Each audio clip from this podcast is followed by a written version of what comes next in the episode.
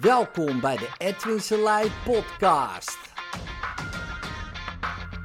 Voor inspiratie, stimulatie en motivatie om je dag goed door te komen.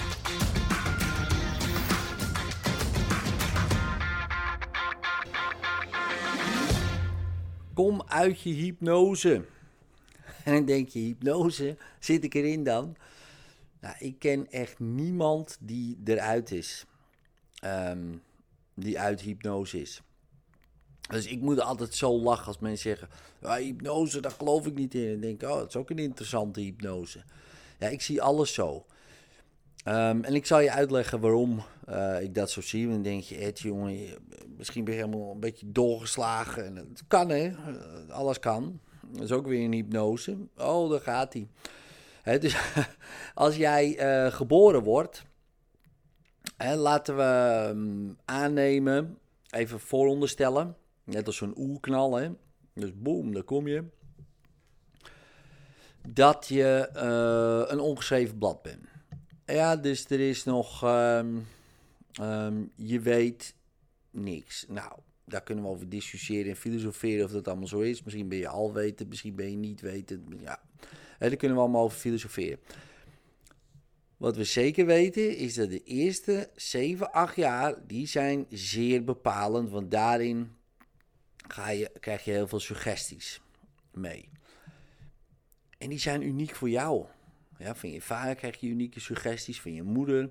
Hè, misschien krijg je zusje of je broertje, of als je enig kind bent. Hè, maar als je nog broertjes of zusjes hebt, krijg je ook suggesties, maar soms anders. Of ze nemen het anders op. Uh, je bent misschien de oudste, misschien de jongste, misschien de middelste, misschien de vijfde, whatever. Uh, ook dat is bepalend, ja, omgeving, uh, de klas waarin je zit, de leraren die je treft, de dingen die je hoort, de dingen die je meemaakt.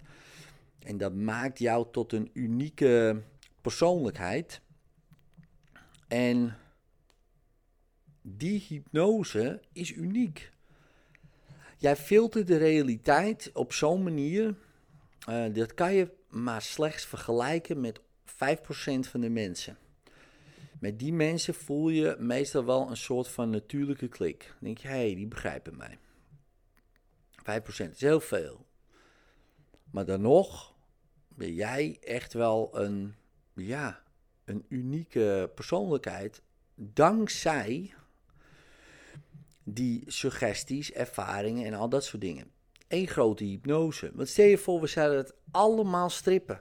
Alles. Ja, wie ben je dan? Geen idee, man. Dat is gewoon, want elk label wat je geeft, ja, dan ben ik God, dan ben ik het licht, dan ben ik het universum, brengt je alleen maar af van, ja, de werkelijkheid zou je kunnen zeggen, is dat je het gewoon niet weet. ja, ik ben één met alles. Ja, oké. Dat snap ik. Maar wie ben jij? Uh, ja, en dan ben je ergens, dan ben je pas uit hypnose. Maar daar kan je niet uh, lang in blijven. Want dat is heel lastig. Want hoe ga jij leven? Nou, misschien kunnen mensen dat, hè? Misschien is dat mijn uh, beperkte hypnose. Dat de mensen wel uit hypnose zijn en uh, gewoon kunnen leven. Maar ik ken ze niet. Um, ik weet niet wie ze zijn. En ik heb echt al wel wat spirituele meesters um, gezien en ontmoet. En die zijn ook gewoon, zitten er ook middenin, wat mij betreft in hun eigen hypnose. Um, omdat, ja, gaat maar uitleggen wat je ervaart. Dan moet je wel weer gewoon in die, in die hypnose gaan zitten. Nou, hoe kom je er wat uit?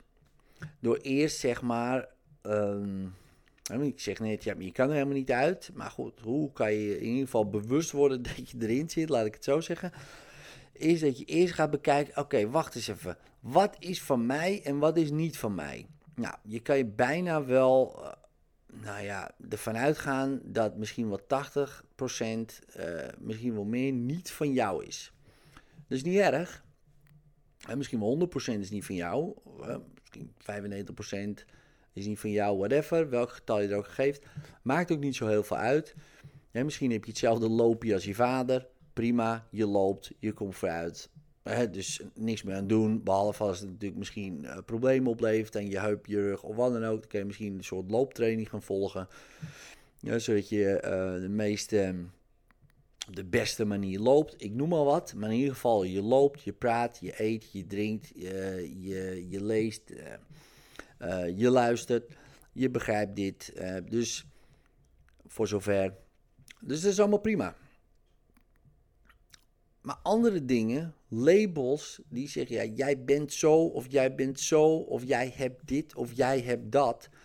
Ja, dan mag je je afvragen of dat nog steeds handig is. Kijk, dat please gedrag bijvoorbeeld was vroeger misschien super handig om iets te verkrijgen. Maar ja, nu werkt het misschien helemaal niet meer voor je.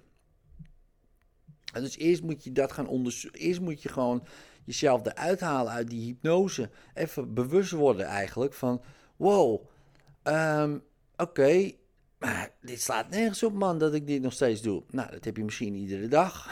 als je naar je werk rijdt, dat je denkt, we slaat nergens op dat ik dit doe. Zou kunnen. maar in ieder geval, eerst moet je daar bewust van zijn. Dan moet je denken, hey, maar waarom doe ik dat? Nou, het levert je wat op. Anders doe je het niet. Het kan van alles zijn. Het kan zekerheid zijn, kan geld zijn, het kan van alles zijn wat het je oplevert. Oké, wat vermijd je daardoor? En wat zeg je voor, je zou ermee stoppen. Waar kom je dan in terecht? Oh my god, dat is veel erger. Oké, prima. Dus dan weet je waarom je het doet. Dat valt dan meteen alweer een stuk mee. Maar dan denk je, nou, toch wel. Hè?